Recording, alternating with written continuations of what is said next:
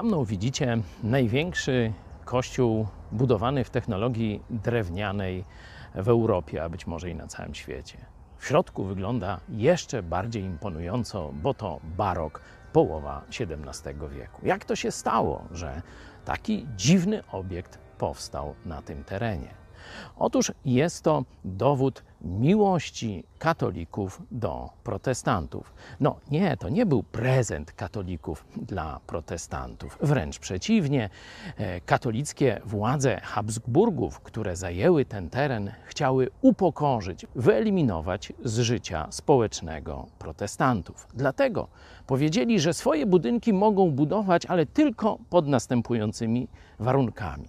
Cały proces budowy może trwać tylko jeden rok. Nie wolno używać żelaza, stali. Można używać tylko słomy, tylko drewna, tylko gliny i piasku. Pamiętajmy, że dzisiaj niewiele w tej sprawie się zmieniło. Jest tak zwany ruch ekumeniczny, ale kiedy patrzymy na praktykę, to Kościół katolicki wysyła przeciwko nam hejterów, prokuratorów, rozgrzanych sędziów i inne formy dyskryminacji. Każdy, kto wierzy, że hierarchia katolicka się zmieni, jest albo ignorantem, albo głupcem, albo coś jeszcze gorszego. Oczywiście liczyli, że w rok to zbudują co najwyżej jakąś większą chatę pokrytą słomą. Ale miało to też drugi głębszy poziom upokorzenia protestantów. Protestanci opierają się na Biblii, zasada reformacji, sola scriptura, a w Biblii chrześcijanie, którzy zdradzają Chrystusa, którzy budują swoje życie w sposób zły, opisani są właśnie jako ci, którzy budują na Chrystusie, ale ze słomy, z gliny, z drewna, w każdym bądź razie z nietrwałych materiałów. To był sposób upokorzenia.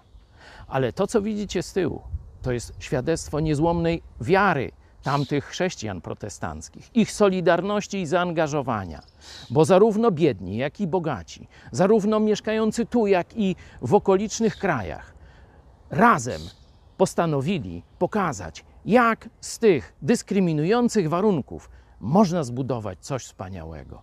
Dzisiaj chlubią się tym wszyscy na listę światową UNESCO wpisany jest ten obiekt. Wiecie, ile tu ludzi mogło wejść?